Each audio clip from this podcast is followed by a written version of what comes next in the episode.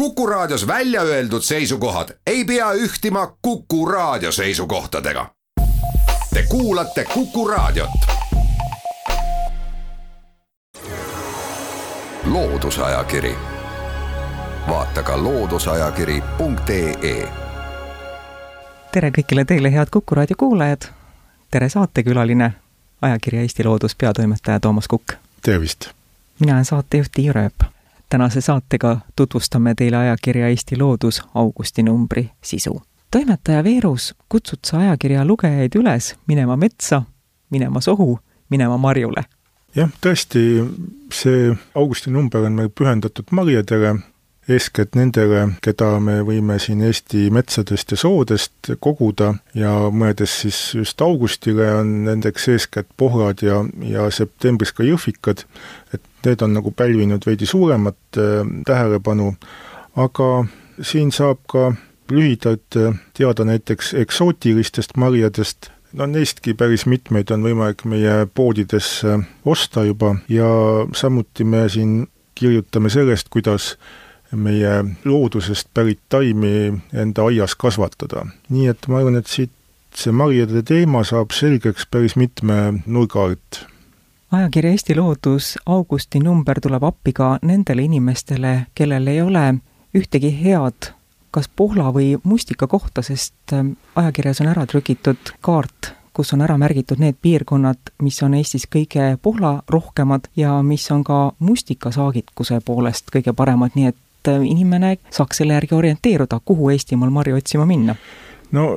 see kaart muidugi ei ole nii täpne, et nüüd saaks kohe täpseid juhiseid, et kus see mets, kus siis saab tohutu koguse marju pindala ühiku kohta, kus ta täpsemalt paikneb, aga siin on tõesti nagu Eesti piirkonnad äh, selgelt välja toodud. Ja eks see kaart nii palju täpne on, et äh, kui teil on võimalus ka veebist midagi juurde vaadata, näiteks on ju igasugused kaardid ja rakendused olemas, kust võib ka siis võib-olla teab eristada näiteks metsatüüpe või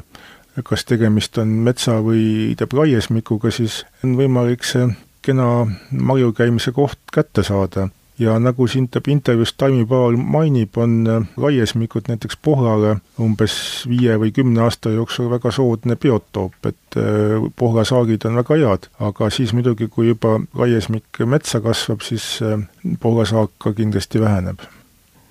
sa mainisid oma intervjuud marjateadlase Taimi Paaliga väga huvitava elukäiguga inimene. mul tekkis selline küsimus, kui ma lugesin intervjuud neid küsimusi, mida sina esitasid ja vastuseid, mida Taimi sulle andis. kas Taimi Paal väljendas teie omavahelises vestluses ka sellist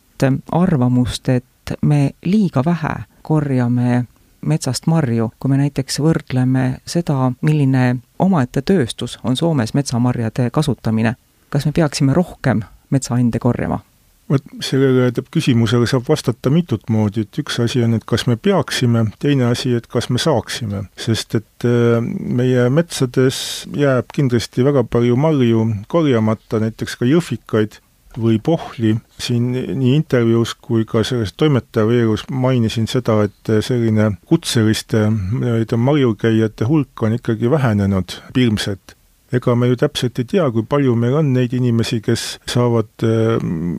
küllalt suure osa oma teenistusest, ütleme aasta keskmisest teenistusest äh, tänu metsamarjadele. et me teame küll, kui palju on marju kokku ostetud, noh seda ka võib-olla mitte päris täpselt, aga siiski suurusjärkudes, et äh, ma mõtlen just neid kokkuostjaid, kes neid marju ostavad näiteks poodide juurest kokku ja nende need marjakogused on nii-öelda mingil määral teada, aga me näiteks ei saa sealt kätte, kui palju neid inimesi on, kes on kogunud, et kas selleks, et saada äh, sajakilone ports marju, et kas meil on kümme korjajat, igaüks tõi kümme kilo või või oli see, ütleb, üks korjaja, kes tõi kogu selle hunniku. nii et äh, tegelikult meil selles osas nagu infot ei ole, vanasti see on olnud päris tähtis äh, tegevusvaldkond ja see on tegelikult füüsiliselt kaunis äh, ütleme, raske, eriti just Jõhvikal käimine, sest et äh, sa ei saa väga lähedale selle autoga, vaid sa pead oma need kümned kilod marju seljas soost välja tassima, mis on ikkagi niisugune füüsiliselt raske tegevus. nii et meil kindlasti on metsades neid äh, marju, mida saaks koguda, aga ja, ja noh, kindlasti me võiksime neid ka rohkem koguda, sest et ikkagi see nii-öelda metsamari on mitmes mõttes väärtuslikum või, või parema maitsega kui peenra peal kasvanud ja eks ta on ka selline omapärane valdkond, see marju käimine, et et see kohati on ikka nagu teeb elustiil, et ta ei ole nii väga tõsine töö hommikust õhtuni, vaid ka see, et, et sa lähed äh, loodusesse sohu ja, ja naudid seal peale marja korjamisega vaikust ja muid hääli ja, ja loodust. Nii et ma arvan, et ikkagi see teeb üleskutse, et võiks rohkem marju käia, et see on ikka täitsa omal kohal. Ajakirja Eesti Loodus augusti numbrist saab lisaks marjadele lugeda ka aastapuust kadakast.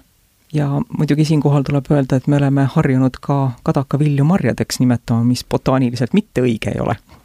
nojah, me selle eh, aastapuud tutvustava kirjutise paigutasime ka siia marjade vahele, sest et eks neid kadakamarju me ikkagi oleme harjunud niimoodi kutsuma, mis siis, et eh, botaaniliselt on nad hoopis käbid. ja eks sama on meil mitmete teiste marjadega, et kui me oleme botaaniliselt täpsed, siis ei ole ka maasikasmari, vaid äh, selle marja tüüp ongi maasikas tegelikult sest et temal see lihakas osa on äh, arenenud äh, teistest kudedest, mitte sigimikust, vaid pigem õiepõhjast. sama on ka näiteks õunaga, õuna üldiselt ju marjaks ei nimeta, aga pihlakal on samuti õunviljad ja ega ma ei kutsugi kedagi üles, et ta nüüd igapäevases äh, kõnes nimetaks pihlaka vilju õunteks või marjasarnasteks õunteks, sest et et, et selle järgi ei ole nagu igapäevaselt Eh, otsest vajadust. et on hea teada, et neid eh, viljade tüüpe on väga mitmesuguseid, kuid eh, mis on sellised väikesed nagu marjad, siis noh, need, need võivad kõnekeeles väga hästi ka edasi marjad olla. aga aastapuust jah, ma arvan, et me siin Eesti looduses kirjutame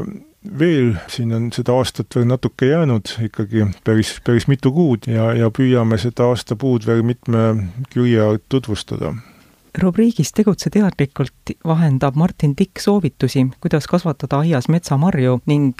kohe alguses ütleb ta ära, et algaja võiks katsetada metsmaasikate ja vaarikatega, Taimi Paal annab soovituse, et võiks kasvatada muulukaid. muulukas on kindlasti vähem tuntud taim kui maasikas ja kui nüüd kas Eesti Looduse lugejal või raadiosaate kuulajal tekib mõte, et muulukat ma küll kasvataks oma aias, kõigepealt kas igalt poolt Eestimaalt üldse muulukataime on võimalik leida, et seda oma aeda tuua? ja kuidas vahet teha, kui marju küljes ei ole, et kas see on metsmaasikas või muulukas? kõige kindlam on ikkagi vahet teha siis, kui taim kas õitseb või tal on need nii-öelda marjad, maasikad tähendab küljes, et et muulukal on see maasikas tihedalt tuppuehtedega kaetud, nad tuppuehed on nagu ümber marja, nii et seda viljaliha on isegi võib-olla kehv kätte saada, et need eh, metsmaasikal tuleb see maasikas ju nendest tuppuehtedest väga kenasti lahti, et saadki kohe puhta marja, aga muuluka puhul on see, kui teda koguda, siis ta ikka enamasti tuleb koos eh, tuppuehtedega, nii et need viljad on väga erinevad juba väljast muulukat on peetud ka magusamaks, võimalik, et need marjad on ka kuivemad, et selle tõttu nad tunduvadki magusamad. aga nüüd me teeme jutuajamisse väikese pausi. loodusajakiri, vaata ka looduseajakiri.ee loodusajakiri on pausilt tagasi, Kuku raadio stuudios on ajakirja Eesti Loodus peatoimetaja Toomas Kukk, saatejuht on Tiiu Rööp pausi eel rääkisime, kuidas eristada metsmaasikataime ja muulukataime. oli juttu sellest, et kui viljad on küljes, siis on asi üsna lihtne, aga kuidas tunda muulukas ära, kui taimel ei ole küljes vilju? mis puudutab neid äh, vegetatiivseid või lehtede järgi tunnuseid, siis noh, muulukarehed on enam, lehekesed on enamasti piklikumad kui metsmaasikal, aga väga häid tunnuseid, kuidas neil vegetatiivset vahet teha, eriti sügise poole, mina igatahes ei tea, et me oleme ka välitööde olnud teinekord päris hädas, et ikkagi on taim selline, ei ole õieti üks ega teine nii et kõige kindlam on ikkagi aeda tuua siis, kui taimel on nii-öelda viljad või vähemalt siis see koht välja otsida, kus seda muulukat kasvab. Eestis on ta peamiselt Prääne saartel ja Prääne- ja Põhja-Eestis levinud. noh, näiteks Tartumaal on ka üksikud kohad, kuhu ta on aegade jooksul ilmselt sattunud, aga siin Ida- ja Lõuna-Eestis on teda ikka kaunis vähe, nii et äh, peab ikka minema kuhugi mm, Saaremaale näiteks või Muhumaale ja sealt tooma. Ma ei tea ka siin näiteks Tartus ühtegi tuttavat aiapidajat, kes seda taime kasvataks, et kelle käest küsida taimi. Aga, aga see mõte on igatahes huvitav ja noh, kindlasti ei ole muuluka saak nüüd nii suur kui aedmaasikal ja marjad on ju ka väiksemad, aga, aga ta on ikkagi selline tundub selline ta põnev taim ja kuna ta on ka suhteliselt vähem tuntud, siis on ka hea oma sõpradele näidata, et näed, mul kasvab aias selline, ütleb imelik maasikataim, keda kutsutakse muulukaks. ajakirja Eesti Loodus augusti numbrisse on mahtunud ka linnuteemasid Renno Nellistab ülevaate, mida on ornitoloogiaühing teinud metsalindude uurimises ja kaitses ja tuletame meelde, et Eesti Looduse maikuu number oli see, kui Jaanus Elts tegi ülevaate, millised on olnud ornitoloogiaühingu põllulindude uuringud Eestis viimastel kümnenditel ja veel kirjutab Andrus Kuus veelindude teemal, annab ülevaate, mis ohustab merelinde. kõige suuremad probleemid on etteennustatavalt naftareostus, aga ka kaaspüük, samuti tuuleparkide rajamine merre ja linnujaht.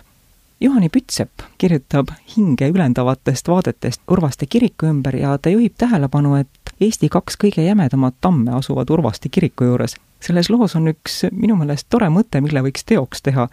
iseenesest mulle meeldiks küll teada saada, kas Eesti kaks kõige jämedamat tamme on nad vennad või äkki onupojad, milline on nende sugulus jah, praegusaegsete meetoditega peaks nende puude geneetiline sarnasus olema küllalt kergesti kindlaks tehtav, et nad on kindlasti vanuse poolest erinevad, et nad ei ole päris sama aastakäigu taimed, aga aga jah, seda, see on niisugune tegelikult iseenesest päris põnev küsimus, mida võiks selgitada.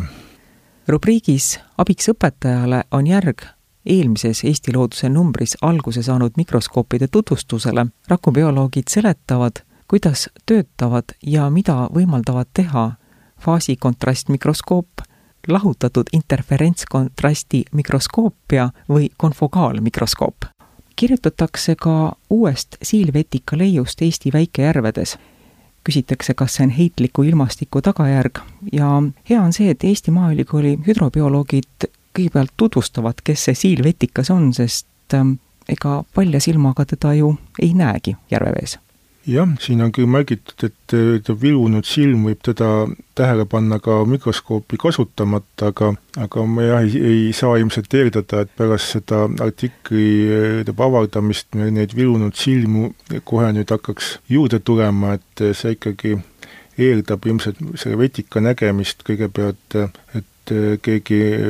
ütleb, asjatundja näitab kätte, et vot ta on, ta on selline, et ta muidugi jah, suhteliselt suurt kasvu, aga ta on ikkagi mikrovetikas, nii et äh, huvitav avastus ja, ja samuti ka see, et ta siis on meil hakanud meie järvedes laiemalt teab levima, et maksab seda siis tema neid muutusi tähele panna, et kas ta meil jääb selliseks tavapäraseks mikrovetikaks või ta on selline ajutine, eriti soojade suvedega kaasnenud nähtus ajakirja Eesti Loodus augusti numbrist saab lugeda ka aastasamblast, harilikust lehviksamblast. Tiiu Kupper annab ülevaate ja lehviksammal vist on üks nendest sammaldest, keda võiks ka tunda ära see inimene, kes teisi samblaid ei tunne no ma siiski pakun, et alati on võimalik mõne teise sambaga segi ajada, et et ka näiteks ehmikud on äh, küllalt sarnased, võib-olla vähemalt esmapilgul, kuid tõesti, ta on üsna lihtsasti äratuntav, eriti kui veel keegi samblatundja seda on kõigepealt tutvustanud, siis ma arvan, et tema leidmine looduses on üsna lihtne ja kuigi siin vaadates siis tema, ütleb, leiukohti Eestis, seda kaarti, siis tundub, et ta on ikka üsna vähe levinud, aga see on nende sagedate liikide häda, et neid ei kanta väga, andmebaasidesse, et äh, ikkagi otsitakse eeskätt neid taimi või ütleb, loomi, kellel on neid, ütleb, leiukohti väga vähe teada Tiiu Kupper kirjutab ka sellest, et kuna lehviksammal on niivõrd hästi äratuntav liik, siis teadlased pole ka aegade jooksul pidanud väga vajalikuks teda koguda ja nii on meie teaduskogudes hoiul pisut üle kahesaja eksemplari lehviksammalt. jälle seesama asi, et liiga tavaline liik teadlase jaoks jaa, see on, sama on ka muidugi soontaimede puhul, et et kui me peaksime uurima, kui sage on Eestis näiteks kadakas või mänd meie taimekogude põhjal, siis selguks, et nad on ikka tõesti väga, väga vähe levinud puud, samas kui me vaataksime mõnda, ma ei tea, haruldast taime või ütleme, sellist keda on väljas võib-olla teeb raske ära tunda, aga et saaks neid andmeid koguda või kaarti teha, peaks ta olema dokumenteeritud, et me oleme väga palju materjali kogunud, siis kindlasti mõni teab kortsrehe liik on tunduvalt sagedam kui mänd näiteks Eestis ja noh, see on selles mõttes paratamatus, et eks me ikkagi kogume neid taimi, millel on põiukohti pigem vähe kui, kui palju. läbi mitme ajakirja Eesti loodusnumbri on jooksnud artiklisari Metsa matkarajast ning ähm, augusti numbris tutvustab Kaisa Linno Lahemaal asuvat Metsa matkaraja osa. Jah, ta jõuab tõesti selle, ütleb Lahemaalt lõpuks välja isegi peaaegu Tallinnasse ja, ja, ja see peakski selle matkaraja viimane punkt olema, aga, aga sellega siiski see artiklite sari meil veel ei tähendab lõppe, vaid äh, järgmises numbris on siis äh, viimane osa, viies, kus siis võetakse siis see nähtu kõik kenasti uuesti kokku loomulikult leiab ajakirja Eesti Loodus augusti numbrist artikleid rohkematel teemadel, kui me saates rääkida jõudsime. head lugemist ja leidmisrõõmu! saatejuht Tiiu Rööp tänab ajakirja Eesti Loodus peatoimetajat Toomas Kukke külaskäigu ja jutuajamise eest aitäh kõigile, kes kuulasid. kena suve jätku ja jälle kuulmiseni. loodusajakiri, vaata ka looduseajakiri.ee